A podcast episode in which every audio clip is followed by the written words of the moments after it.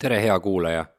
tänane Öökulli Akadeemia podcasti salvestus toimub Läänemere päeva tähistades Eesti Loodusmuuseumi hoovis. tegu on avaliku salvestusega ning külas on Joonas Plaan ning Sander Loite. arutleme, kuidas meie Läänemerel läheb, kuidas on seis tema loomadega ning ka kalast meie toidulaual. mina olen Joosep Sarapuu, head kuulamist! öökulli akadeemia.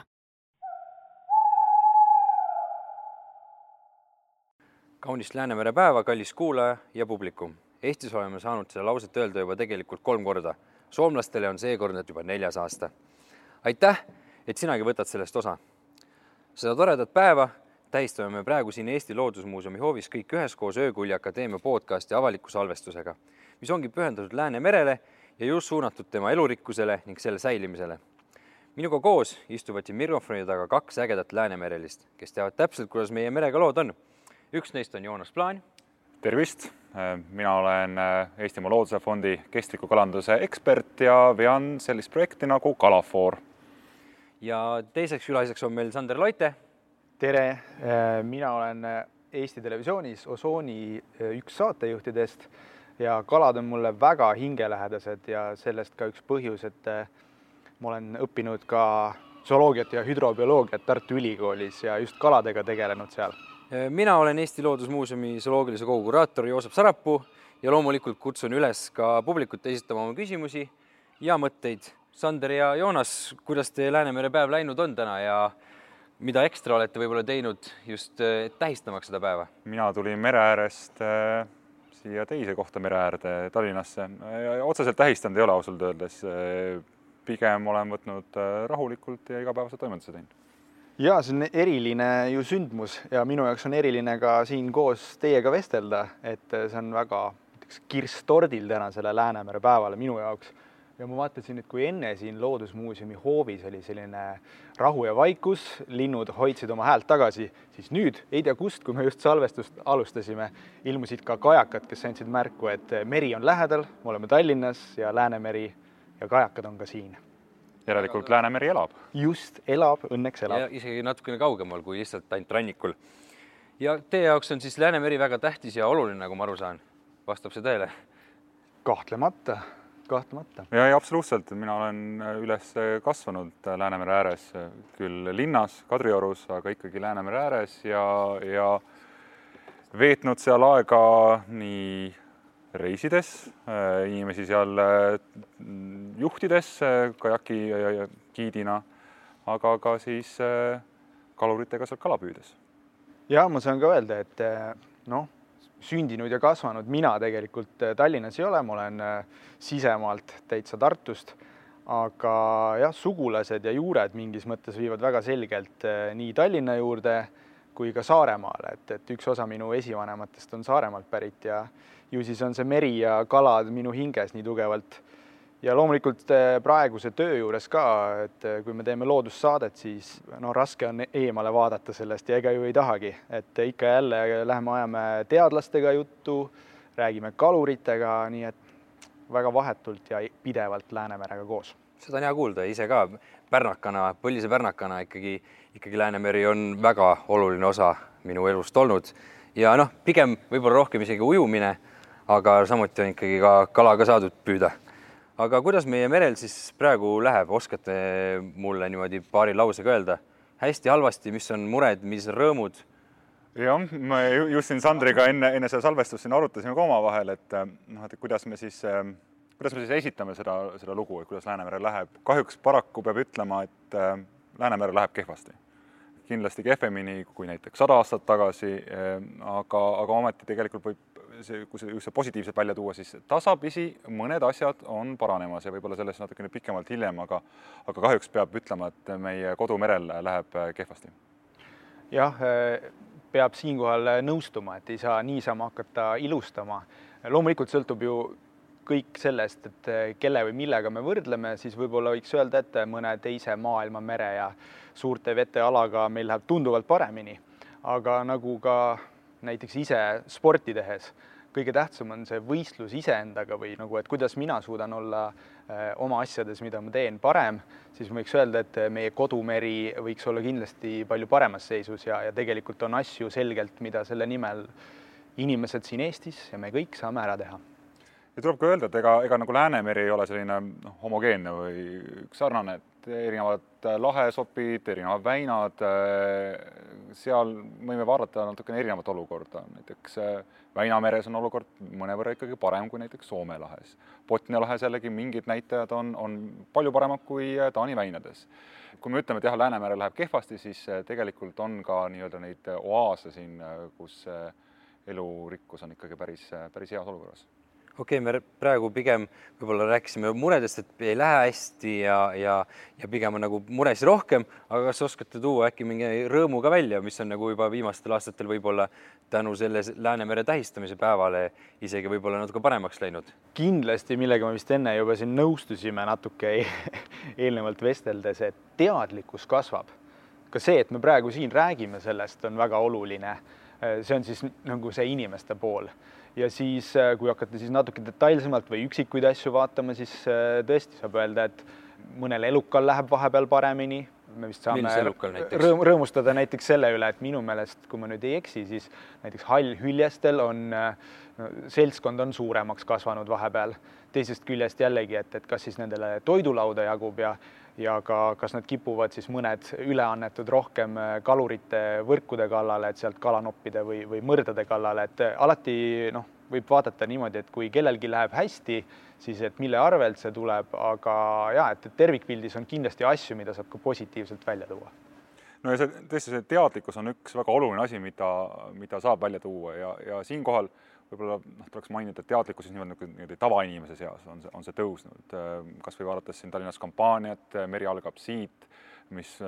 minule üllatuslikult väga paljudele mulle tuttavatele tuli nagu üllatuslikult, ohoh, mis asja, kanalisatsioonist jõuab vesi kuidagi merre või. see on niisugune lihtne näide, kuidas, kuidas tavainimeste teadlikkus on tõusnud samal ajal muidugi on ka tõusnud teadlaste teadmine Läänemerest, eh, mismoodi mingid võib-olla probleemid on tekkinud, mismoodi me saame ka neid parandada ja, ja ka see annab vägagi palju niisugust eh, optimismi tegelikult tuleviku suhtes. Mm, loodetavasti nende teadlaste teadmised jõuavad ka mingi hetk selgemini otsustajate lauale, kes julgevad neid äh, mõnikord võib-olla keerulisi ja raskeid otsuseid teha selle jaoks, et äh, me kodumerel läheb paremini. nii et, nii et seda võiks küll öelda, teadlikkus ja, ja teadmine äh, Läänemerest on tõusnud. aga kas see teadlikkus on pigem siis seotud nagu nii-öelda tavainimese või üksikisikuga või, või see kuskile teadlikkus nagu kandub edasi ka kuskile nii-öelda riigistruktuuridesse, kes, kes tegelikult võib-olla teevad nagu suuremaid otsuseid või nagu tähtsamaid otsuseid, nemad saavad ikkagi kästa ja keelata usutavasti siis ikka nagu mõlemal pool, ma kujutan ette, et kuskil on need riigijuhid või ministeeriumite inimesed, nad on ju meie seast, et on need lapsed meie seas, et kui see teadlikkus kasvab, siis ma usun ja tahaks loota, et mõlemal pool ja mida vist saab ka välja tuua just see, et Eesti mereteadlased teevad ju väga tänuväärset tööd. on palju projekte, mis seda uut infot meile hangivad ja kuskilt niimoodi jäi kõrvu, et, et see merealade planeering, mis Eesti lõpuks endale sai, et ta võib-olla on üks Euroopa paremaid, sellepärast et ta on äh, ka meie enda heade teadlaste väga tõsise töö tulemus no ilmselt jah, koostöö just teiste Läänemere äärsete riikidega on ju ka viimastel aastatel väga palju ikkagi kasvanud, just noh, võtame selle Läänemere päeva või see Helsingi konventsioon, mis ikkagi ühendab ikka väga paljusid äh, riike Läänemere ääres, et ega me üksi võib-olla ei saagi midagi teha, et kindlasti oleks väga suur abi ka, ka teistest riikidest, kes siin on, üheksa riiki vist jääb meil, meil siia Läänemere äärde. Jah, see koostöö tegelikult on tugev olnud juba aastakümneid, mitte, mitte lähiaastatel ja, ja see hõlmab endas mitte ainult siis Euroopa Liidu äh, liikmesriike, vaid ka tegelikult Venemaad Äh, isegi praegu selle sõjaolukorras see, see koostöö kas või mitteformaalsel tasemel on, on jätkunud, et, et see on kindlasti väga oluline. aga, aga sa tõid väga hea asja välja tegelikult siin, et see koostöö äh, ja see on see, see, see võtmesõna siin Läänemere puhul, üksinda on väga keeruline midagi Läänemere heaks ära teha ja seetõttu tõesti see koostöö on tugev erinevatel tasanditel. teinekord küll jällegi see, see, et meil on siin need üheksa riiki, tekitavad ka teatavat sellist huvide konflikti, et öö, äh, omast kogemusest tean, äh, kuidas, kuidas näiteks kalakvootide üle niimoodi justkui niimoodi vorstijuppide üle niimoodi jaotatakse ja otsustatakse. teinekord ka see, et, et on väga palju osapooli, teeb selle olukorra keeruliseks aga jah, koostöö on, on hea ja, ja seetõttu see olukord ka tasapisi ka paraneb nojah, et võib-olla varasemalt oli seda ühisomandi tragöödiat äh, nagu rohkem, et praegu pigem ikkagi kõik äh, saavad võib-olla aru, et see, see Läänemere olukord tegelikult ei ole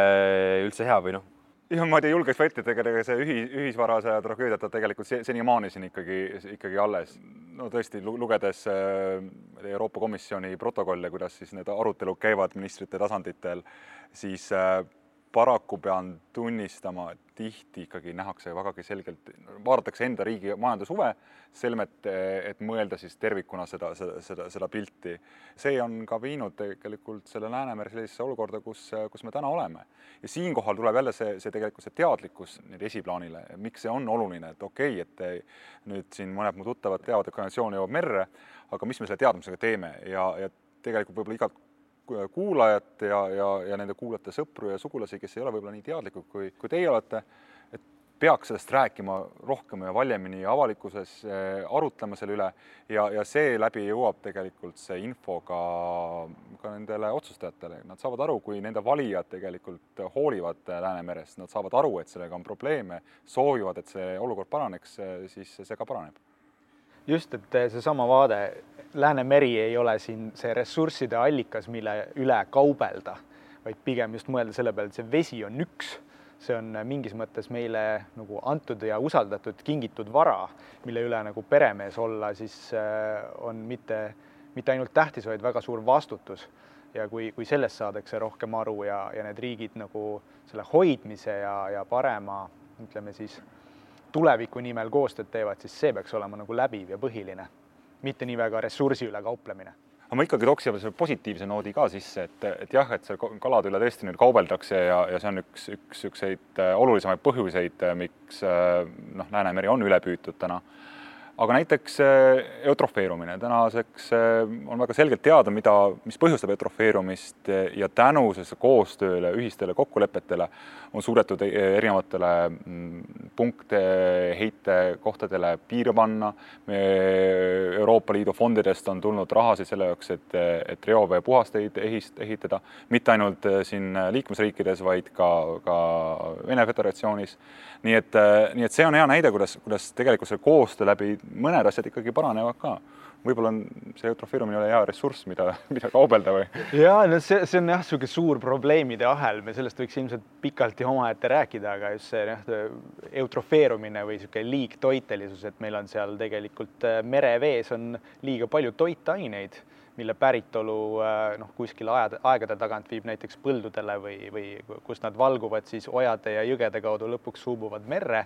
aga mitte üksnes see, et, et kui me saame piiritleda näiteks ka neid äh, põllumajanduses kasutatavate, ma ei tea, väetiste, nende toitainete, taimetoitainete äh, merre jõudmist, siis tuleb arvestada, et äh, väga suur kogus näiteks lämmastikku ja fosforit on juba meres olemas. ja vot selle sealt kättesaamine ei ole enam nagu nii lihtne tegevus, küll aga seal on nippe ja, ja just selle, selle sinna juba kujunenud liigse toitaine, mis põhiliselt siis sellele äh, eutrofeerumisele nagu gaasi annab seal või gaasi põhja lükkab Läänemeres, et vot sellega tuleb tegeleda, aga õnneks äh, Eesti teadlased ja Läänemere teadlased ju tegelevad ka sellega, et põhimõtteliselt praegu võin lihtsalt öelda, et, et näiteks vetikate või, või karpide kasvatamisega äh, on võimalik sellisel väiksemal kujul teatud reostus või mitte reostus, suure toitainega piirkondades seda efektiivselt ka eemaldada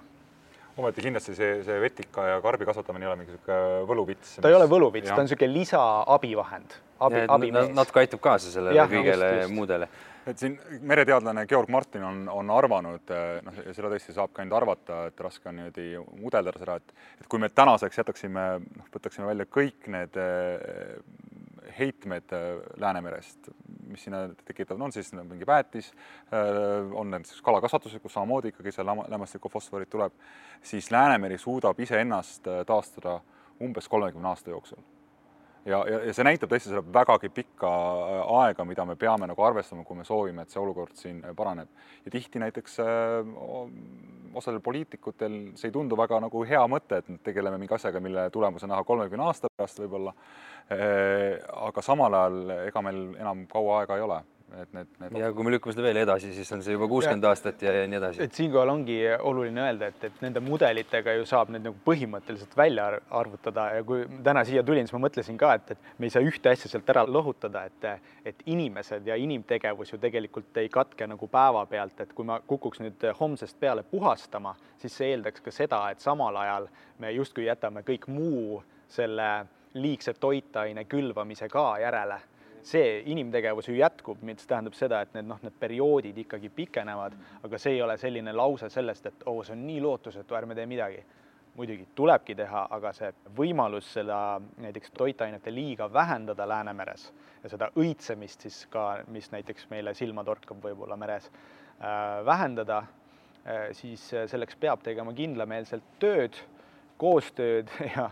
ja jah, et, et see ei ole nii, et, et kolmekümne aasta pärast näiteks on puhas, me peamegi arvestama sellega, et see võib võtta palju-palju kauem aega.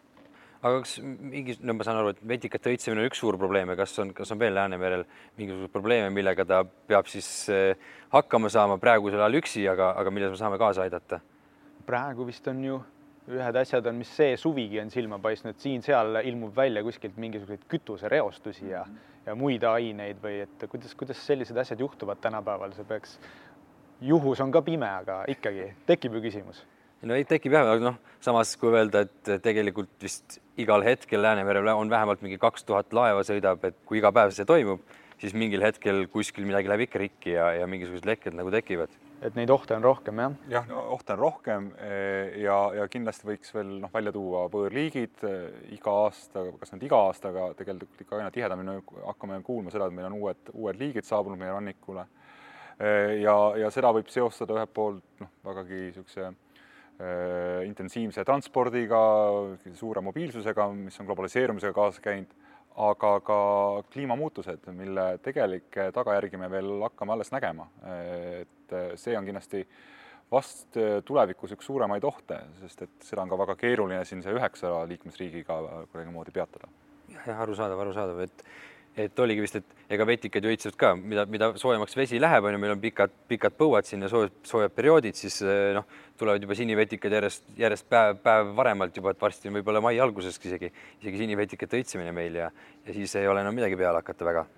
no just, et eh, kui sa mainisid sinivetikaid, siis tõesti võib-olla lapsepõlvest meenub, et see uudistes hakati rääkima sellest võib-olla juuli lõpus või kunagi augustis, et siis, kui see suvi nagu hakkas ühele poole jõudma või oligi juba kaua olnud, aga praegu noh, neid üllatusi võib kasvõi sinivetikatega seoses juba varem tulla. Ja seda näitab siis see erakordselt palav suvi. Jah, ja siia otsa kohe tuleb ju tegelikult erakordselt mahe talv üldiselt, mis, mis tähendab seda, et, et Läänemerel enam vähem on seda, on seda jääkatet, kui me siin tõime välja, et näed, et hallhüljestel läheb paremini, siis äh, viigerhüljestel jälle läheb äh, väga halvasti. Äh, arvatavasti selle kolmekümne aasta pärast me võib-olla Eesti rannikul enam ei näegi viigerhülged ja see on väga selgelt seotud kliimamuutustega,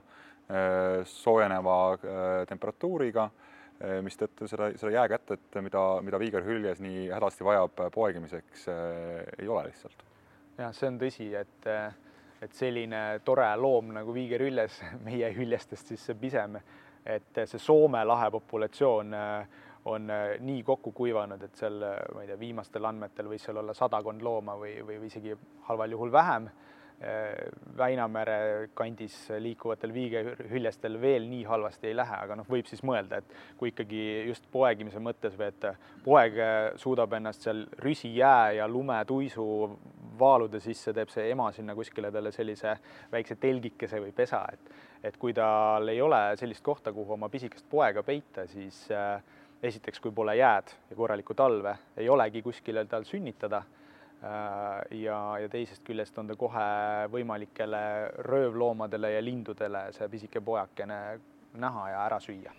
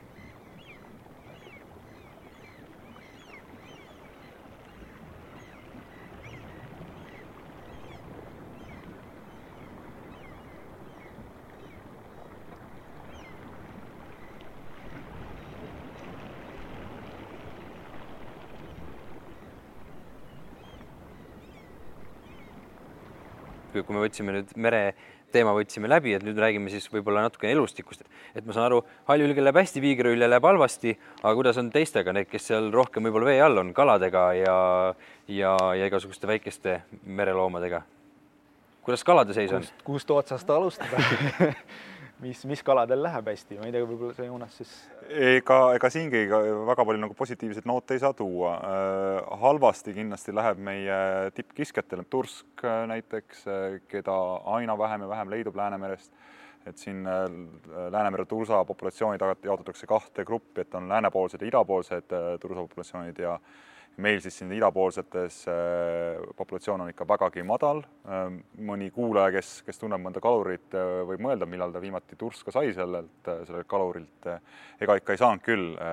jällegi kolmkümmend aastat tagasi me püüdsime kümneid tonne, Eesti kalurid püüdsid kümneid tonne seda turska. täna püütakse iga aasta üks-kaks tonni ja sedagi siis kaaspüügina vägagi kriitilises olukorras on, on angerjas, see on seotud ka tegelikult, mis toimub sisemaal. Ehm, tippkiskjatel läheb halvasti, ehm, veidi paremini läheb meie väiksematel kaladel, pelaagilistel kaladel, kilul, räimel, kuid ka siin on juba ohumärgid on, on, on õhus ja, ja ei saa siingi tuua võib-olla ainult niisuguseid positiivseid noote ehm, kui kuskilt nagu otsida neid positiivseid märke, kuidas meil kaladel läheb, siis paremini läheb näiteks merefrollil, lõhel kellel läheb paremini tänu sellele, et äh, meie, meie jõgesid on, on taastatud äh, looduslikule tasandile ja see on, see on toonud tagasi siis ka lõhelised, keda tegelikult võib-olla kolmkümmend aastat tagasi oli ikkagi palju vähem. siin Jürgen siin publiku seas võib kindlasti täpsustada numbritega. aga, aga, aga need on võib-olla kaks liiki, kelle puhul me näeme, et kui me tegelikult soovime midagi teha, soovime midagi muuta, me võtame selle asja ette siis see, see positiivsed tulemused ka, ka selle järel tulevad. hästi läheb ka võõrliikidel, näiteks ümarmudilal, näiteks ka ogalikul, kellele väga sobib selline soe vesi ja Rootsis isegi Rootsi teadlased praegult on, on väga usinalt selle kallal toimetamas, et, mõelda, kuidas me siis sellest ogalikust nüüd, kui seda on nii palju siin Rannikumeres, kuidas me saame temast midagi kasulikku kätte, on see siis loomatoit või, või inimtoit lausa. et, et see kindlasti on üks selline märksõna kuidas läheb meie kaladel. erinevatel kaladel läheb erinevalt, me näeme, et ühelt poolt võõrliigid tulevad peale, mingitel liikidel läheb paremini kui teistel. Ökosüsteem Läänemeres on muutumas ja seda suuresti tänu sellele, et, et röövkalad on välja püütud, sellepärast et eutrofeerumine on, on loonud selliseid hapnikuvaeseid piirkondi, kliimamuutused toovad meile aina soojemat vett, aga, aga kala ei kao ära, mingi teine kala tuleb siia asemele, nüüd me tulemegi, peamegi nagu mõtlema, kuidas me kohaneme võib-olla selle, selle teistsuguse Läänemerega, teistsuguse kalastikuga. me oleme harjunud võib-olla iga suvi sõitma Saaremaale, sealt suitsuleste sööma. Ma kardan, et see aeg varsti saab mööda ja, ja suitsuümarmudi tuleb peale. suitsuümarmudi, absoluutselt, seda peaks kindlasti rohkem, rohkem sööma ja nii ta tõsi on jah, et, et äh, võib-olla veel, ma ei tea, kuidas praegu hõbekogrel läheb aga teda on ka Eesti rannikuvetes küllalt palju siin läbi aegade olnud ja, ja ta on ka ju tegelikult meile justkui see si siinsele piirkonnale võõrliik. Ja et äh, noh, just, et äh, kellel läheb hästi, kellel võib-olla halvasti ja, ja minu meelest, kui nüüd paar lihtsalt äh, kommentaari, et mulle meenub, äh, ma Saaremaal rääkisin ühe vanema kaluriga mõni aeg tagasi, siin mõni aasta tagasi ja ta ütles, et et mõnes piirkonnas, kus äh, seal jah, tõesti kolmkümmend, nelikümmend, võib-olla isegi viiskümmend aastat tagasi, kui seda turska kätte saadi, et osati sellest lugu pidada, aga oli ka juhtumeid, kus turska veeti lihtsalt laidudele, lindudele söögiks või, või ühesõnaga veeti ka loomadele ette, et et kujutame ette, et nagu selline äh, hea hinnatud valge kala, ühel hetkel teda oli siin ja tast ei osatud isegi lugu pidada või näiteks sama lugu, et äh, tuulehaug, väga vahva kala, kes tuleb siia äh, meile tavaliselt kevadeti, eks maikuus, juunikuus, kõik kalastajad on mega õnnelikud, et need nooled on siin ja hakkame neid püüdma. Nad ujuvad väga kihvtilt ja on niisugused piklikud ja, ja siis, kui sa vaatad nende luid kunagi, kui sa juhtud tuulehaugi sööma on see võimalus on, olnud? on olnud, eks ja. ole, et need luud on toredad, siuksed fosforivärvi või siuksed rohekas sinakad ja et, et need vahvad kalad, et noh, siis ongi see, et, et, et ka nendele kohati vaadati niimoodi, et tühja ta sattus mulle siia räimemõrda, viidi kuskile lindudele toiduks. aga tänasel päeval me vaatame kõik, et, et mõni kala on toidulaual väga hästi vastuvõetav, ta on toiduks sobiv ja, ja eriti veel siis, kui me teame, et selle püügiga ja tema söömisega me ei ohusta tema, tema populatsiooni ja tema järglaskonda, et et, et see oli niisugune, mis mulle meenus. Ja ogalikega seoses, kui rootslased nüüd vaatavad, et mis temaga teha annaks, kui ogalikul hästi läheb, et siis kas see mitte ei olnud ka jälle mingi nõukaajal, kus vaadati ja, ja traaliti ka ogalikku välja ja ja tehti temast ka mingisugust jahu ja siis, siis segati teda või anti loomasöödaks nagu, et et paljud asjad on mingis mõttes ka niisugused äh, mereannid, mis meil on olnud ja me siis kas siis aeg-ajalt jätame nad tahaplaanile, kui meil neid nii väga vaja ei ole, kui meil neid ühel hetkel jube palju on, siis võib-olla ongi kaval ja, ja tark midagi nendega teha mina olen ogalikus proovinud uhhaad teha. tõsi, jah? ei soovita kellelegi. ei soovita, jah? selle pott, see sellest potist ei saanud enam asja, see pidi ära viskama ja, ja hästi palju lameusse tuli ogalikest välja. ma isegi, mul oli hüpotees, et, et ogalik ei olegi iseseisev liik, et on lihtsalt niisugune kostüüm, mida lameuss kasutab selle jaoks, et siis äh, kajakate kerre pääseda aga, aga nali naljaks, äh, see on tõesti noh, tõsi, et, et me peame hakkama mõtlema, noh, mida, mismoodi me oma, oma menüüd ja, ja toitumist äh, muudame. näiteks äh, soomlastel, Soome ketil Prismal on isegi täiesti niisugune oma konservid, kus nad siis panevadki nii-öelda, mida nimetatakse prahikalaks on siis mingi säga või nurg, kala, mida me ei ole harjunud, sest ta on väike, ta on luine, aga siis äh, seal äh, tegelikult on leidnud viisi, kuidas seda kala töödelda niimoodi, et äh, teda saab väga maitsvalt süüa. isegi siin Eestis ma olen kohanud ühte ettevõtjat, kes, kes nurust teeb hakkliha ja ma pean tunnistama, et need kotletid olid lihtsalt ülimaitsvad, ma pärast tema kodukööki külastamist külastasin ka ühte ühte Tallinna restorani, kes siin sai ka siin valgeid tärne ja, ja pean tunnistama, et see kodu köök oli palju maitsvam, see nurukotlett oli palju maitsvam kui seal restoranis valmistatud äh, äh siiakotlet, nii et äh, tegelikult tulebki julgemini proovida ka neid kalu, mida, keda me ei ole harjunud sööma. jah, see võib-olla võimaldaks seda survet maha võtta niisugustelt vanadelt äh, lemmikutelt ja tuntutelt, et, et, et see spekter võiks laieneda, võib-olla sellega noh, võib-olla siin jah, mingi Läänemere kontekstis ei ole see ärasöömiskoormus siinse kandi rahva poolt kõige suurem, aga teada on ju, et seda kala, mis siit püütakse, ju ka noh, eksporditakse suurtele turgudele maailmas, vot see tähendab seda, et see kaev võib ühel hetkel ootamatult tühjaks saada, et, et selline, selline mõistlik äh, mereandide ja, ja kala tarbimine on võib-olla see üks asi, millele me peaks siis vaatama, et, et kui sa küsisid ja algas sellest, et kuidas kaladel, kellel siin hästi läheb, kellel halvemini, et et see on üks asi, mida inimene saab võib-olla vaadata ja teha, aga ma ütlen küll, et äh, nagu see siin sai öeldud, et, et nendel tippkiskjatel läheb halvasti, et tegelikult see on ikkagi nagu väga fooripunane tuli, et mm. et see ei ole kuskil ökosüsteemis äh, hea äh, näha, et, et kui, kui röövlid hakkavad, ehk siis sellised selle toiduahela tipud hakkavad kaduma, see tähendab, et võib tulla palju üllatusi, mis lõpuks ei pruugi lihtsalt siin ka inimestele hästi lõppeda suuresti võib öelda, et ka, ka Läänemeres kõikidel tippkiskjatele kalafoor näitab punast tuld, nii et, nii et äh, võimalusel äh, mitte siis süüa, kui, äh, kui peaks sattuma kuskil ette Eestis püütud mõni röövkala. et üks väga vahva kala ju tegelikult, me teame, koha on olemas mageveekogudes, aga meie rannikuvesi ja siin Läänemeri siin meie kandis on üsna Äh, lahja soolsuse mõttes, kutsutakse isegi riimveeliseks, et siis kohad on väga toredad kalad ju ja imemaitsvad, aga Pärnu lahe koha, mis on vast Eestis äh, Peipsi koha kõrval või Võrtsu koha kõrval üks kuulsamaid, kui mitte kõige kuulsam, siis temal ei ole ikka ka enam aastaid uim väga hästi käinud. Ja seal on selgelt näha ühest küljest seda, et äh, koha ei jõua piisavalt suureks kasvada, piisavalt vanaks saada, et anda järglasi see viitab väga otseselt ülepüügile, et me anname nagu inimestena neile sellist, äh, kuidas ma ütlen, äh, ei, ei respekteeri nende vajadusi ja ka seda, et nad äh, suudaksid endal järglasi saada. Ja teisest küljest siis, kui sinna komplekti lisandub veel asju, mis näiteks sellele kohakalale ei toimi, et, et mõni suvi ei ole näiteks tema pudemisaegsed tingimused vees kuigi head juhtub kuskil mingi teine asi ja, ja see piirkond on näiteks äh, halva õnne korral kus on koelmu mingisugused kaevamistööd käivad näiteks sadama jaoks. Ja kui sa panedki sinna komplekti palju asju, mis annavad oma tõuke, siis võib ühel kalal väga halvasti minna. Ja ja kui siin oli juttu ka, et lõhed ja, ja meriforellid, et siis väga suur töö on just see, et me ei saa ära unustada, et kui mõtleme, et Läänemeri on justkui süda ja sinna viivad jõed on need veresooned, siis need veresooned peavad ju läbi laskma selleks, et ja neid veresooni siin on ikka väga-väga väga palju. noh. ja neid veresooni on nagu takistatud, et see on äh, tegelikult äh, veel töö, mis kindlasti ei ole lõppenud. suurepärane, et äh, Pärnu jõgi sai suures osas vabaks ja, ja tõkkede eest, et see on suur edulugu, et, et Sindi pais ka maha võeti ja seal teisigi väiksemaid paisukesi. aga ma kujutan ette, et Põhja-Eesti lõhejõgedel samamoodi ootab ikkagi see, et kui me tahame, et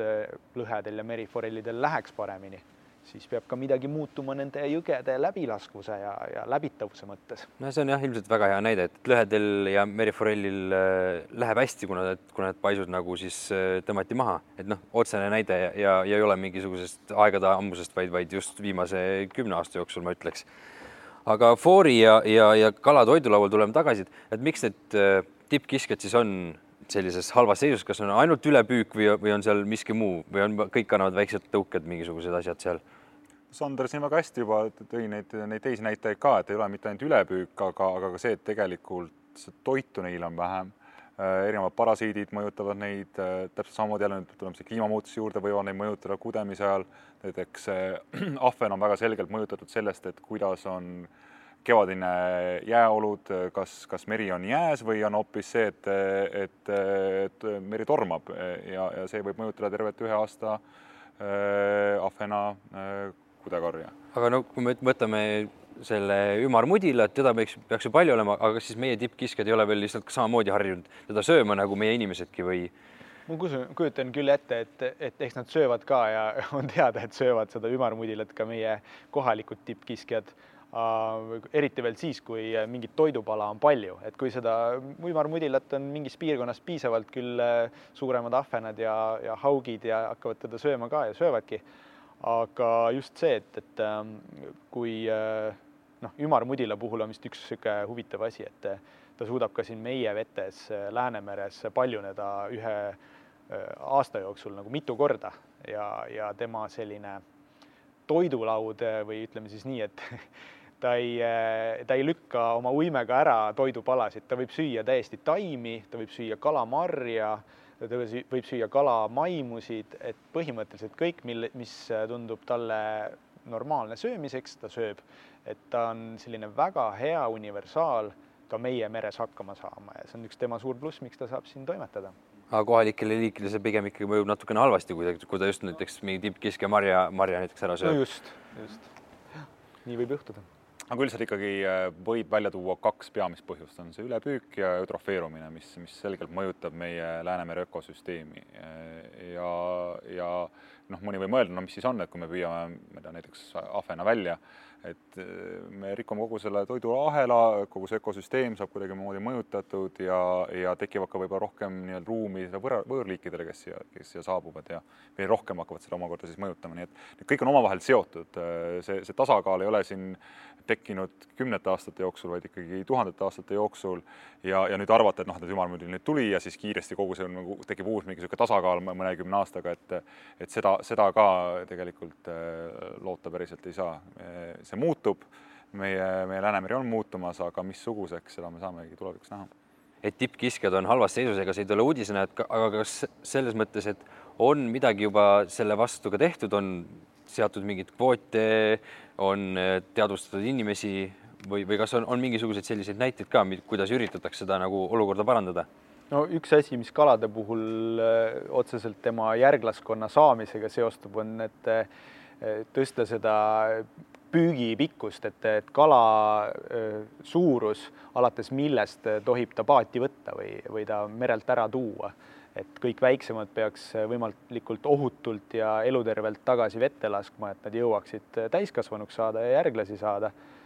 Aga siin noh, ma ei teagi, mis veel, et noh, põhimõtteliselt teoreetiliselt annaks ka mõne kala püügi üldse seisma panna. koha puhul on näiteks sellest natuke räägitud. sellest on räägitud, aga kahjuks ei ole teostunud, eriti kui me räägime siis Liivi lahest, Pärnu lahest mis on toimunud, noh, et hästi palju keskkonnaorganisatsioonid ka ikkagi looduskaitseorganisatsioonid tegelevad selle nimel, et need, need püügikvoodid oleks väiksemad või oleksid jätkusuutlikumad äh, iga-aastaselt, kui jälle nende püügikvootide üle arutatakse, siis, siis käib niisugune väga tugev dialoog nii teadlaste kui ka looduskaitsjate ja, ja, ja ametnike ja poliitikute vahel, et leida see tasakaal, ma ei tea, majandushuvide ja siis loodushuvide vahel. ja võib öelda, et siin viimastel aastatel pigem on need kvoodid jäänud äh, sinna, sinna jätkusuutliku piirile, kui et äh, nad on üle selle jätkusuutliku piirile, et, et, et see on küll muutunud. Ja, ja tursk, äh, tursapüük pandi paar aastat tagasi kinni Läänemeres, küll aga siin see tursapüügi puhul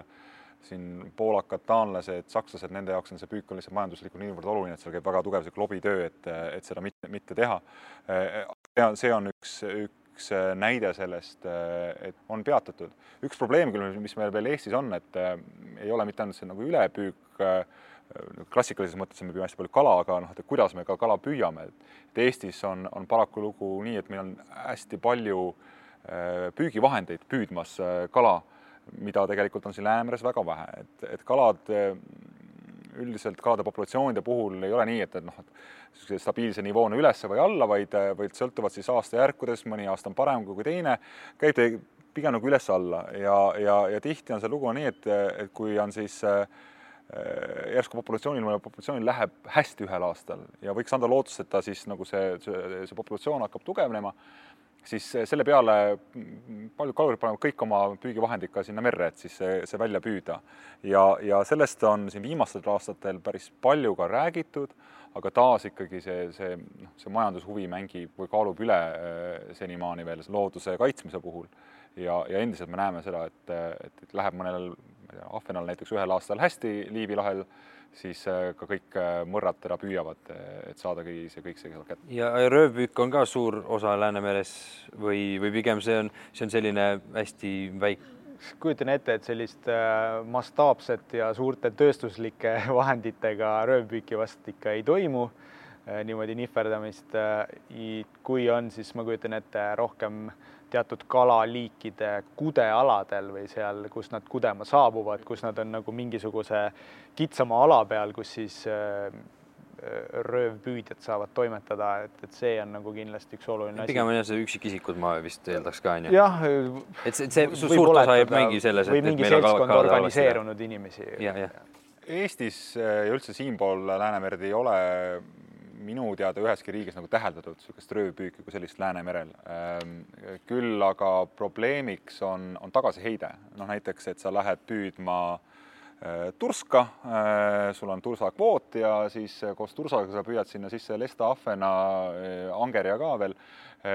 keda, kellel kvooti sul ei ole ja mida tehakse, visatakse kõik see kala üle parda äh, tagasi ja ega see kala ellu ei jää, isegi kui ta seal, seal parda peal veel hingab ja, ja paistab täiesti elujõuline, siis reeglina see, see kala hukub. ja, ja pigem vot see on probleem, äh, mistõttu siis äh, siin looduskaitseorganisatsioonid on ka nõudnud et paatidele pannakse pardakaamerad nii-öelda piltlikult öeldes, et, et me näeme, mis seal siis tegelikult seal, seal siis toimub ja et seda tagasiheidet ei ole. Aga röövpüüki äh, kui sellist Läänemerel ei toimu, et siin jõgede puhul on seda, seda, seda probleemi küll äh, mõne, mõnevõrra, see on küll paranenud, aga jah, seda ikka leiab jah, selline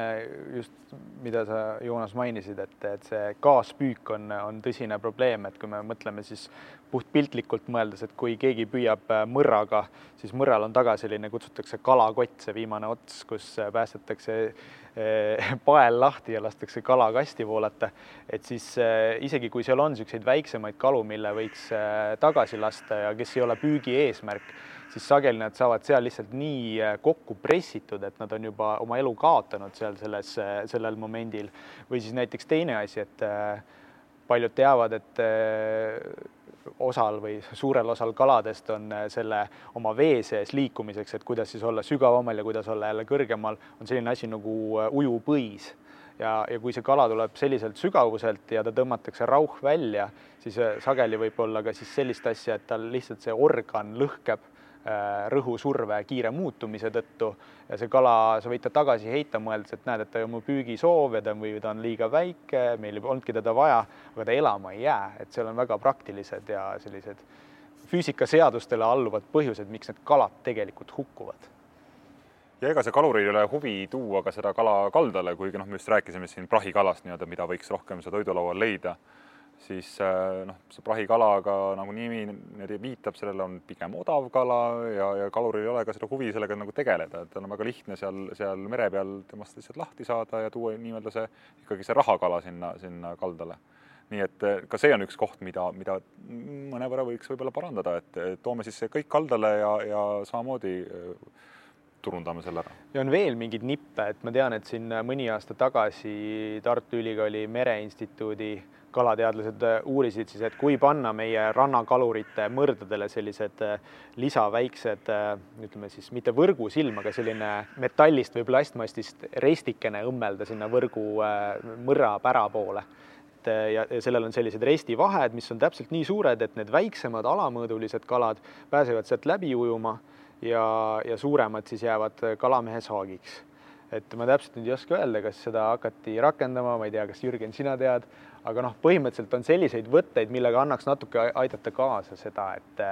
ka, et kalad, kes ei ole meie püügi eesmärk, näiteks mõrra rannikupüügil, pääseksid sealt püügivahendist ilma ennast kahjustamata minema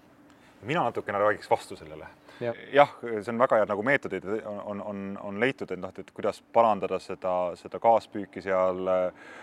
aga, aga miks ma räägin vastu sellele, et et mis see, mis on viinud üldse selle probleemini, ülepüük, ongi see, et me oleme tegelikult tõhustanud, täiustanud oma püügivahendeid ja see on kogu aeg parandanud ja, ja justkui on siis nagu tekkinud selline veendumus ja see on noh, inimkonnale täiesti loomulik, et, et tehnoloogia, tehnoloogia parandamine kuidagimoodi nagu päästab selle maailma. ja noh, vaadates näiteks keskkonna ajalugu ja mismoodi siis Läänemere kalandus on üldse toiminud või noh, ma olen uurinud ka Atlandi ookeani kalandust siis alati, kui on mingi kriis, mingi kala on vähem, siis leiutatakse jälle jälle uus tehnoloogia, kuidas seda paremini püüda, veelgi tõhusamalt ja, ja püüame jälle edasi nagu, nagu mäng läheb edasi. ja seetõttu ma alati niimoodi noh, kui keegi räägib, et ah, me teeme, tuleme uue võrguga, sellega on nagu palju tõhusam, palju loodussäästlikum, siis noh, päeva lõpuks ikkagi see lahendus on see, et, et püüame vähem anname sellele, sellele keskkonnale aega taastuda ja võib-olla see on see lahendus ikkagi, mitte et täiustame seda, seda, seda võrku Äh, aga noh, samal ajal ma olen ka noh, nõus, et loomulikult, et ka see on üks samm. no just, et tekitada värav nendele, kes kes võiksid veel kasvada ja suuremaks saada, et jah, et mitte nii väga jah, see efektiivsus. Jürgen vist. oli sul mingi mõte? ei,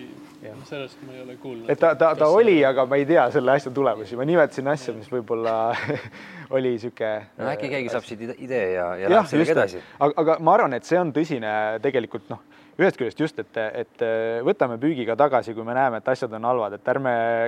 ärme võta asju, mis veel efektiivsemalt õnnestuks need, need viimased suured kalad kätte saada, mõtleme hoopis selle peale, kuidas tagada nende lasteaed, kuidas tagada nende sünnitusmaja hea seisund, et niimoodi, et ikkagi äh, loomulikul moel see looduslik liik suudaks ennast ise taastoota, see on, me ei pea hakkama ise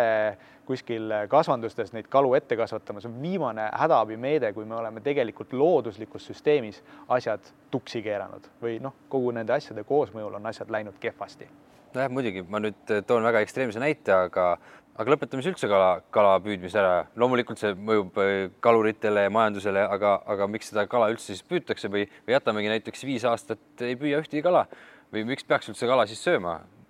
et, et miks seda siis vaja on või, või kas me saame ilma kalata? Kindlasti me saame ilma, ilma kalata. aga on see ka mõistlik siis või? Äh, no olen, olen noh, ka ise sellele mõelnud palju, et noh, mis siis, kas tõesti siis tõmbame järsku selle joone alla ja ütleme, et kõik, et rohkem kala ei püüa ja, ja, ja see justkui siis lahendaks selle probleemi. Ähm, jah, see oleks niisugune vägagi niisugune mustvalge probleemi lahendus, pigem tuleks ikkagi mõelda sellele, kuidas me püüame, mida me püüame, kes seda püüavad võib-olla isegi ma väga selgelt seisan selle eest võib-olla, et, et seda kala võiks rohkem püüda rannakalur, kui et eh, mingi traalimees korporatiivis kuskil, kala võiks ka rohkem püüa igapäeva, rekreatiivne kalastaja. Eh, et püüame väiksemahulisemalt seda kala. Eh, ja, ja jällegi sellega me anname sellele, sellele, selle ökosüsteemile aega nagu taastuda ja, ja lubab ka tegelikult nendel rannakogukondadel ellu jääda ja hoida alles seda, seda vägagi väärtuslikku rannakultuuri. miks me kala sööme? noh, ühelt poolt on see traditsioon, osa meie toidukultuurist, aga, aga kalal on ka olulised tervisele positiivsed mõjud mida, mida mujalt on raske saada. Nii et, nii et ma arvan, et kala peaksime ikka endiselt edasi sööma, aga küsimus ikkagi selles, et kuidas me seda püüame, keda me püüame ja, ja, ja, ja tõesti nagu ütlesin, kes seda püüab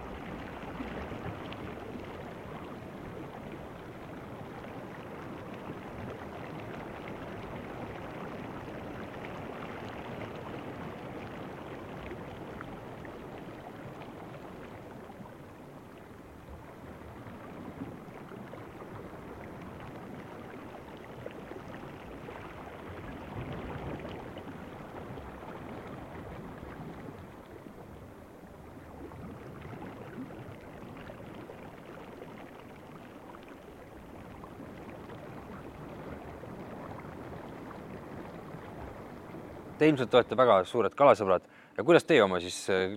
kala toidulauale valite? Lennartil oli küsimus. üks küsimus juba kiveleb ammu-ammu. Te rääkisite sellest tippkiskjate nii-öelda mittesöömisest ja nagu me teame, siis väga populaarne söögikala on meil lõhe. Norra lõhe. Äh, Norra lõhe, just nimelt. et äh, korraks läheks Läänemerest selles mõttes välja, et, et, et kas see, kas see Norra lõhe söömine äh, nagu ma tean, siis ei ole ka keskkonnale üldse, üldse hea, et Norras need lõhekasvandused on, et nad tegelikult reostavad ikkagi päris korralikult fjorde ja, ja mõjutavad seda fjordi nii-öelda äh, põhjaelustikku äh, tunduvalt. et küsimus võib-olla ongi see, et, et mida siis nagu noh, et kui ma nüüd lähen poodi näiteks, et kas mul on valida seal Norra lõhe, mul on valida võib-olla Soome kasvanduse forell ja siis on öelda mingisugune Eestist, no sellist asja muidugi väga ei juhtu, et sa poest saad Eestist püütud lõhe, eks ole, või aga et mis see nagu kõige sellisem, ütleme siis sõbralikum äh, valik äh, on, kui ma tahan punast kala süüa? hea keeruline küsimus. Ehm, võib-olla alustan natuke kaugemalt, et jah, et see Norra lõhel on ikkagi vägagi noh, tuntav keskkonnamõju ja keskkonna, keskkonnajälg, eks nemad ole tasapisi selles paremaks läinud, kuidas nad kasvatavad oma kala ja see mõju on, on väiksemaks läinud. ja, ja need plaanid näevad ette isegi, et kuidas nad lähevad kuskile täitsa avaookeani peale, kus see mõju saab veelgi nagu väiksem olema oma, oma suurte kasvatustega ja, ja see tagab selle, et meile, meie toiduletile jõuab äh, odav lõhe, mille hind võib olla viis üheksakümmend üheksa näiteks äh,, mida, mida iga inimene vägagi armastab et selle koha pealt justkui noh, mis siis, siis nagu, nagu halvasti on, et see Läänemerd väga nagu ei mõjuta ja, ja, ja meil on hästi. aga, aga tõesti, see, see, see keskkonnamõju on, on palju, palju kaugem. Soome forellil võib vägagi sarnaselt olla, Soome kasvatatud forellil võib olla vägagi sarnane mõju ja, ja inimesel on, tavainimesel tegelikult väga keeruline teha seda, seda hinnangut ja valikut seal eh, leti ees ja noh, mina isiklikult, noh, siin oli Joosepi küsimus ka juba see, et noh, et mismoodi teie valite, ma isiklikult ei valiks kumbagi. ja, ja pigem äh, ma valiksingi ikkagi selle hooajalise kala, mis mul seal letis on, mis on püütud siit äh, lähipiirkonnast. Äh, ja, ja ma arvan, et, et see on ka nagu üks selline jällegi noh, inimloomusest tulenev niisugune probleem, mis meil ees on, me oleme harjunud täna, et, et see, see Norra lõhe või lõhe, mis on niisugune ennekõike minu jaoks olnud alati biolauatoit, et ta võiks olla meil siin kogu aeg laua peal, viis üheksakümmend üheksa ometi ju. ja, ja, ja see on vägagi muutunud, mismoodi me tarbime tegelikult seda kala ja ma arvan, me peaksime jällegi hakkama mõtlema teistmoodi, et, et võib-olla me ei pea iga päev või noh, mitte iga päev, aga nagu iga nädal, igal võimalusel seda, seda, seda kala sööma, et noh, tulles tagasi jälle sinu eelneva küsimuse juurde, vaid ikkagi sööma seda kala, mis on hooajaline, sööma seda siis, kui ta on meil letis olemas ja muul ajal on minu meelest suurepäraseid konserveeritud kalu, äh, keda, keda võiks ka süüa siin, rootslastel on üks väga hea. ka nendel jah aga ma olen täiesti nõus äh, sinuga selles mõttes, et äh, ma oleks ka nagu eeskätt äh, eelistaks olla mitmekesine, et, et valiks täna selle kala, järgmine nädal teistsuguse kala ja kodumaise ideaalis. aga kui sa räägid punasest kalast, siis ma ei tea, kas see on väga kaval mõte nüüd, aga et ma õpiks harrastuspüüdmise ära ja siis õigesti püügiloa soetanuna lubatud jõele vajalikul ja õigel hooajal või siis merelapte äh, või merre kahlamispükstega läheks püüaks omaenda meriforelli või jõeforelli ja see olekski väga tore punane kala, mida süüa. ja kui ma tahan rohkem kui ühe, püüan mõõdus natuke rohkem, panen endale kasvõi jääkappi seisma, et et siis nendel päevadel, kui jälle punase kala isu tõuseb, siis võtan kapist välja, sulatan üles ja söön. ja, ja teine variant on see, et ma ei tea, kui palju neist praegu selle suure maailmaturu nii-öelda surve all alles jäänud on, aga on ka Eestis seda äh, vikerforelli kasvatajaid ju vist veel alles ja ja, ja ka see on võib-olla alternatiiv, aga jah, et, et ma nõustun sellega, et oleme mitmekesised, kui punane, siis, siis sellised valikud. Mul oleks siit kohe üks jätkuküsimus, et aga et kui ma lähen äh, restorani ja tahan seal kala tarbida ja on mitu korda kasvõi siinsamas vanalinnas lõunapausil käies tabanud see, see küsimus, et tahan olla hästi teadlik, vaatan enne kalafoor.ee, okei okay,, seda kala nagu põhimõtteliselt võiks, juhul kui ta on püütud siit või sealt ja lähen sinna restorani ja nad ei tea, kust see on püütud. ega nad ei tea, jah. ja veel parem on see, kui on lihtsalt valge kala ja nad isegi ei tea, mis kala see on. et, et kuidas, kas me peaks kuidagi nagu restorani pidajale panema mingi kohustuse ikkagi nagu uurida välja, kust see tooraine tal nagu tuleb? absoluutselt, nad peaksid ja võiksidki seda ju teada, see on nagu elementaarne. ja noh, ma olen rääkinud päris palju restoranide pidajatega ja, ja minu arust Peeter Pihel, kes on äh, Fotografiska peakokk, ütles väga hea lahenduse. lihtsalt küsige inimeste käest kogu aeg, nende, nende teenindajate käest, kustkohast see kala pärit on. See on nende jaoks ka ebamugav küsimus tihti, nad ei teagi, siis ma lähen küsin köögist ja siis see kokk ei tea. aga, aga noh, mida rohkem inimesi seda küsib, seda, seda nagu selgemaks nad saavad aru, et aga, aga tegelikult see on küsimus, millele ma võiksin vastust siiski äh, teada. see kindlasti ei muutu ju kõikides restoranides, aga, aga ma usun, et, et see on üks asi, mida me äh, kõik saame teha. mina olen väga paljudes restoranides jäänud tühja kõhuga, sellepärast et eh, noh, ma ei leiagi seda toitu, mida, mida ma saaksin võib-olla süüa just seetõttu, et, et tihti ei teata, mis kala see on või on siis seal eh, kala, mis on ohustatud. Ma, ma olen see, nii sarnasest olukorrast ennast leidnud, et ikka küsid ju. Ja kui on nagu tore kiri, et valge kala, äkis ja mingi värske ta-ta-ta siis ma mäletan ühte viimast korda just sellest suvest. kohta ei maini, aga siis ma palusin ka, et aga mis kalast muidu teil see äkis tehtud on? Siis mingi äh, oodake, ma ei tea, ma lähen kohe küsin köögist ja siis äh, vastus oli, et hunttahvel. ja siis mõtlesin, et aa, et meil siin sellist kala ei ela, et ma ei tea, kui värske ta siis on, esiteks, aga aga just, et äh, minu mõte ka siis muutus, et ma ei soovinudki seda toitu, aga teisest küljest just, et ma saan aru, et, et võib-olla köögipoolel ja, ja restoranil on nagu see surve, et, et samamoodi, et mis kaupa neil siis nagu saadaval on, millest seda sööki teha ja turg mingis mõttes dikteerib neid, kui paljudel on võimalus käia ikkagi päriselt kalaturul nagu hommikul ja, ja valida sealt kas kohalikke ande või, või selliseid eh, jätkusuutlikumalt siis kasvatatud või püütud kalu, et, et see on nagu niisugune suur ahel, millel on eh, vaja nende lülidega tegeleda jah, see on, see on tegelikult ongi see kõige suurem probleem, et eh, kuskohast seda kala saada ja millist kala. jällegi käies, rääkides nende restoranide peakokkadega omanikega, kõik ütlevad jah, ma tahan olla jätkusuutlikum, ma tahan just seda rohelises kategoorias olevat äh, kala siin pakkuda. siis, kui hakkame nagu üle vaatama, mis see siis kala võiks olla, siis et no vot seda, vot see, see kalajapojad ei paku, vot seda see, see kalamajakas ka ei paku. noh, nemad, nemad ongi teatavas mingis süsteemis äh, sees, millest on väga raske välja saada. Öeldakse mulle, et ümarmudil, jumala eest, ma tahaks hea meelega teha, aga palun too see ümarmudil kast iga hommikul mulle siia ukse taha ja ma teen et, et see ei ole kahjuks niivõrd lihtne, kui noh, mina ise ka naiivselt arvasin, et, et lähed ja räägid inimestega ja, ja tõesti noh, vaata kõik, kellega ma olen rääkinud, keegi ütleb, et mina tahaks ikkagi müüa seda angerjat, see on ju väga hea rasvane ohustatud, kriitiliselt ohustatud liik. nagu suitsuvorst, lõikasin viilud ja sööme kõik. ja äkki on see viimane aga, aga et kõik tahavad tegelikult ikkagi pakkuda seda kestlikku kala, aga kahjuks jah, see, see turg on selline, et ta on, on hästi süsteem on nii tugevalt omavahel põimitud, et seda on, on keeruline muuta. aga noh, tasapisi näiteks äh, ma mäletan, kui nüüd kaks-kolm aastat tagasi äh, üks Eesti tuntud poekett äh, punastes toonides otsustas, et tema müüb ainult siis kestlikku kala, siis, siis meil oli küll selle ostujuhiga selline niisugune, niisugune illusioon, et noh, nüüd me hakkame seda turgu kuidagimoodi muutma ja mõjutama aga no ega see nii lihtne ei ole, sest et äh, siis samal ajal on jällegi üks, on mõned teised toiduketid, kes ütlevad, et, äh, et aga meie roll ongi inimestele pakkuda seda, seda troopilist krevetti, sest et meie kliendid tulevad siia sellepärast. Nad teavad, et meie müüme troopilist krevetti ja noh, nende õigus on seda teha, et seda ükski seadus ei, ei keela. jah, nõudlus määrab ära selle asja, et kui, kui nõutakse, siis on ka ilmselt keegi, kes pakub. väga raske on leida nii-öelda uut turule tulevat toidu söögikohta või restorani, kelle menüüs poleks mingisuguseid kas tiigerkrevette või et noh, krevett nagu justkui on juba see A ja O, et noh, see ikka ju peab menüüs olema mingil kujul. muidu inimesed pööravad ukse pealt ringi tuleks ringiga tagasi selle, selle kalakasvatuste juurde, et see on kindlasti üks probleem, mida ma sa-, näen, et saab olema tulevikus suur probleem Läänemerele. et äh, sa küsisid, noh, sa arvasid, et ei tea, kas see vikerforelli kasvatusi saab olema, on, on veel Eestis no, alles? on, on ikka on jah, jah., Saaremaal ja siin ja, ja tegelikult äh, meil tulevikus saab olema palju rohkem neid kasvatusi. Äh, praegult on siin suured Euroopa Liidu meetmed, mis toovad väga palju raha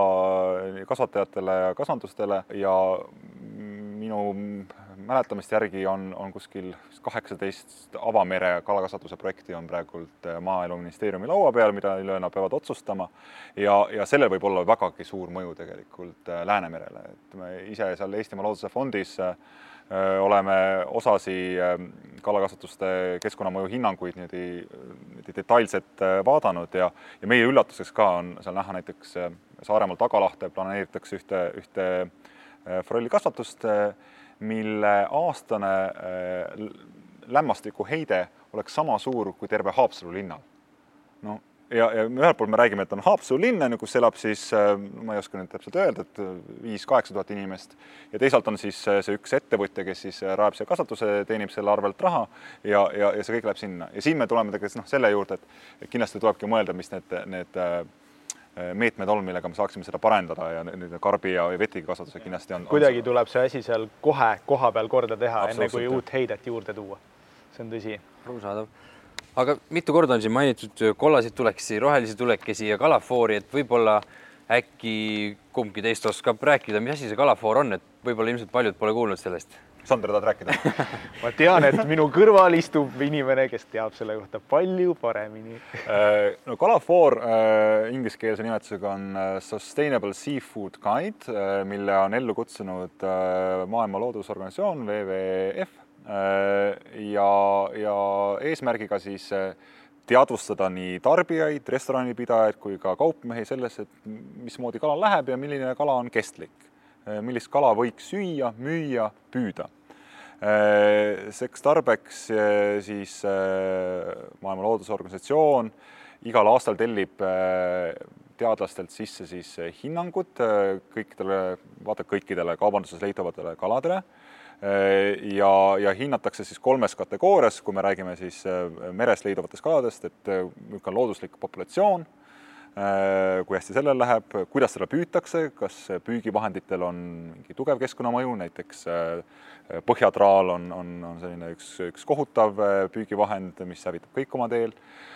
ja kolmandaks vaadatakse, et mismoodi seda kalandust majandatakse, et kas see on kontrollitud, kas on kvoodid või on see niisugune metsik lääs, et igaüks läheb, püüab, kuidas tahab ja need kolme kategooriat arvesse võttes on siis need kalad jaotatud kolme kategooriasse valgusfoori järgi, punane, kollane ja roheline. ja see roheline on nii-öelda siis kestlik kala, kellel läheb hästi, kelle püük ei mõjuta keskkonda kuidagimoodi või noh, minimaalsel viisil ja kellest on hästi majandatud. kollases kategoorias on siis see kala, kellel no midagi võib seal halvasti olla ja see on, see on see koht, kus tuleks võib-olla mõelda, kas ma pean seda kala nüüd näiteks iga nädal sööma. Norra lõhe näiteks on seal kollases kategoorias. Äh, ja, ja paljuski seetõttu, et me hästi tegelikult ei tea, et millega alati see kala on söödetud, me alati ei tea, kui suur see mõju on. et siinkohal tasuks mõelda, et kas ma pean seda sööma võib-olla iga nädal, iga kuu. Äh, ja siis punases kategoorias on need kalad, mida igaüks võiks kindlasti jätta kõrvale, need on kriitiliselt ohustatud liigid, liigid, kelle, kelle püütakse viisidel, mis tugevalt mõjutavad keskkonda. see info on siis äh, pandud äh, kodulehtedele, äh, Eestis on selleks kalafoor.ee, aga, aga sarnaseid kodulehti on täna kasutusel kahekümne kaheksas riigis, kõikides Läänemere-äärsetes riikides on oma, oma kalafoor olemas ja see on see viis, kuidas tegelikult äh, tarbija saab äh, saata signaali kaupmehele, kaupmees saab saata signaali püüdjatele ja püüdjad omakorda siis otsustajatele. ja, ja kui Eestis on see Kalafoori projekt on kestnud nüüd kolm aastat, siis Soomes, kus ta on kestnud näiteks kümme aastat, nende hinnangul täna kaubanduses leiduvast kaladest üheksakümmend kolm protsenti lausa on nii-öelda selles kestlikus kategoorias, et, et noh, selgelt on näha seda, seda, seda, seda mõju, et kui me tegeleme selle tarbija, tarbija on kole sõna, inimene, kes armastab kala süüa, teadvustame teda kalade olukorrast, nad teevad neid valikuid, siis, siis see muutub. eks, eks loomulikult neid otsuseid peavad tegema äh, mitte ainult ka siis tegelikult need kalasõbrad või kes seal kaup, äh, seal leti ees on, aga ka tegelikult kaupmehed ja, ja, ja, ja kalurid ja otsustajad. nii et see on nagu niisugune jällegi niisugune koostöö peab siin, siin olema. nii et jah, äh, kalafoor.ee on, on, on teadliku kalasõbra juhis, kuidas siis kestlikult kala süüa jah, soovitan seda lehte väga, et ise olen ka seal paar korda ikkagi käinud vaatamas, kas seda kala tohiks süüa või siis mitte aga, aga praegu ei maininud ära, millised kalad siis nendes punases kategoorias siis seal kalafoori järgi on ja millised rohelised, millised kalad äh, peaksime toidulaualt minema viskama ja, ja millised sinna toidulauale võtma? Kui teil juba midagi toidulaual on, siis ärge ära visake. aga ma tahtsin öelda, et ilmselt siis rutan ette, et angerjas ja, ja tuunikala. Võib-olla niimoodi aga, aga kuulame. ja, ja äh, no jäädes siia Läänemere juurde siiski, tuunikala küll, tuunikala puhul on see äh, noh, minu, minu jaoks oli nagu üllatav see, et ega te, tegelikult, et tuunikala osadel isegi on lausa rohelises kategoorias, sõltuvalt, kuidas ta püütud on. oleneb vist liigist ka. liigist. ja oleneb liigist loomulikult, kui selle siis on nii-öelda trollinguga või siis niisuguse suure õngega on, on see kala püütud, äh, siis ja sõltuvalt kuskohast jällegi et siin väga palju tahke, siis, siis on ka tuunikalasid, mis on rohelises kategoorias ja, ja aga suuresti ikkagi jah, enamus on punased. see, mis on konservi topitud, ei pruugi olla nii ei. odavate või tähendab, on tunduvalt odavamatel meetoditel sinna saadud. aga, aga jah, Läänemeres on ikkagi äh, angerjas kriitiliselt ohustatud liik, globaalselt kriitiliselt ohustatud liik äh,, aga ka Läänemerest püütud tursk on, on punases kategoorias äh,. Need on niisugused kaks niisugust äh, võib-olla olulisemat liiki, mida välja tuua osade kalade puhul see, see, see, see muutub sõltuvalt siis aastast ja, ja, ja seetõttu tasub ka jälle uuesti vaadata võib-olla selle Kalafoori kodulehele, sest et iga aasta me ka uuendame seda informatsiooni. ja, ja roheliste puhul ma tooksin võib-olla, ma isegi nagu ei tooks liigiliselt välja, et noh, mis kala süüa, vaid pigem nagu annaks niisuguse nagu neli juhist edasi, pigem söö väikest kala, pigem söö kodumaist kala. Äh, seda kala süües äh, varieeru neid liike, et ei ole nii, et ma ainult nüüd hakkangi sööma seda kilu ja, ja sööngi kilu kogu aeg, vaid äh, mõni päev võiks püüda ka räime süüa ja, ja siis ahvenat, mis on püütud kestlikult. ja neljandaks võiks pigem lihtsalt võib-olla vähem süüa teinekord ka. ma arvan, et need on väga ilusad soovitused ja ja võib-olla siis sellise positiivse noodi peal võib-olla tõmbaski selle jutu otsa kokku. et eh, suur tänu, Joonas ja Sander, et tulite oma teadmisi ja kogemusi ja, ja nippe meiega jagama. suur tänu ka publikule, kes meid eh, siia kuulama tulid ja võib-olla Joonas, Sander, tahate äkki veel midagi inimestele kaasa öelda, mõni tore soov, nipp? ja ma kasutan võimalust, üks tore ja, kala, sügisel kudev räim. See on see kala, sügis saabub, äh, küsige julgelt saarlastelt äh, Lõuna-Saaremaal näiteks või Kuressaares, Kuressaare kõrval Nasva kalameestelt, kaluritelt või Turja kandi kalameestelt või Kihnu kalameestelt. küsige sügisräime. otsige enda isiklik kalur, kellele helistada. Eh, tegelikult see informatsioon on täiesti avalik, olemas, eh, kalateabe kodulehel on, on isegi nagu nimekiri erinevatest piirkondadest, näiteks sa oled siin suvisel reisil, nüüd küll suvi hakkab läbi saama, seal kuskil Peipsi kandis tahaks värsket kala, palun helista ka Vassilile, Vassilile on värske koha olemas, eh, mine ja söö seda. et, et see on kindlasti üks nipp, mida, mida tasuks kasutada, sõltuvalt, kus kohas sa oled, tegelikult värsket kala on võimalik saada hea teada. Küsimused veel? Jürgen, palun. Eh, Joonas mainis just, et otsi enda isiklik kalur ja ennem sa mainisid ka, et pigem eelistada rannakalurite püütud kalasid, et et eh, ma tahtsin küsida, et kuidas siis Eesti rannakaluril läheb üldse praegu? Eh, Eesti rannakalur on vananev, hääbuv aga tasapisi tuleb noori peale, sõltuvalt kogukonnast, noh näiteks tooksin välja Hiiumaa rannakalanduse kogukonna, kus, kus minu meelest ikka iga-aastaselt läheb nagu aina võimsamalt ja, ja, ja seal on nagu noored hakkajad on, on, on peale tulnud. Ehm, samamoodi ikkagi Saaremaal võib selle tugevad kogukonnad välja tuua, aga peab ka tunnistama, et näiteks Soome lahes, Soome lahe piirkonnas on rannakalandus küll hääbumas ja, ja arvatavasti ka hääbub, hääbub siin minu eluaja jooksul, sest et kala ei ole seal on jah, samamoodi saan öelda, et, et seal põhjaranniku kaluritega rääkides siit ja sealt ikka kostab seda, et, et nad on hädas või noh, et see, see kaob, võib kaduda koos nende, nende, kes veel on olnud nagu traditsiooniliselt käinud, et, et, et kala ei ole lihtsalt ja, ja väga põhjarannikul on tõesti olnud väga oluline, olulisel kohal lõhe ja, ja meriforelli püük, aga mingil põhjusel on, eks ole või põhjuste komplekti tõttu on äh, paljudes kohtades lestasaagid vähenenud, ka räime öeldakse, et palju harvem kohtab võrgus ja, ja jääb tühja, tühjade kätega sageli. nii et, et põhjaranniku kalurid on jah, nagu selline väljasurev rass, millest on väga kahju. nii et see soovitus leida oma kalur aitaks ka rannakaluri kultuuri hoida elus rohkem? ja see on, ma arvan, väga oluline asi, see on ju tegelikult osa Eesti kultuuriloost ja, ja merekultuurist. et, et need inimesed püsiks ja et neil oleks äh, oma elatis ja, ja põhjus. just, ja alati on ikka tore ka rääkida ühe kaluriga, kes oskab pajatada lugusid, mida